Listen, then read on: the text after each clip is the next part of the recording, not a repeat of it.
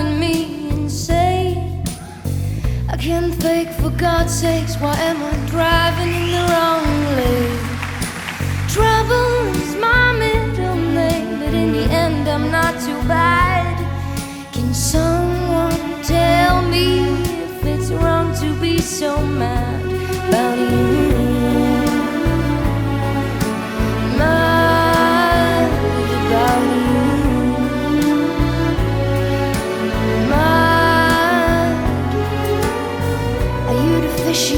Fishy that will give me a headache in the morning? Or just a dark blue landmine that will explode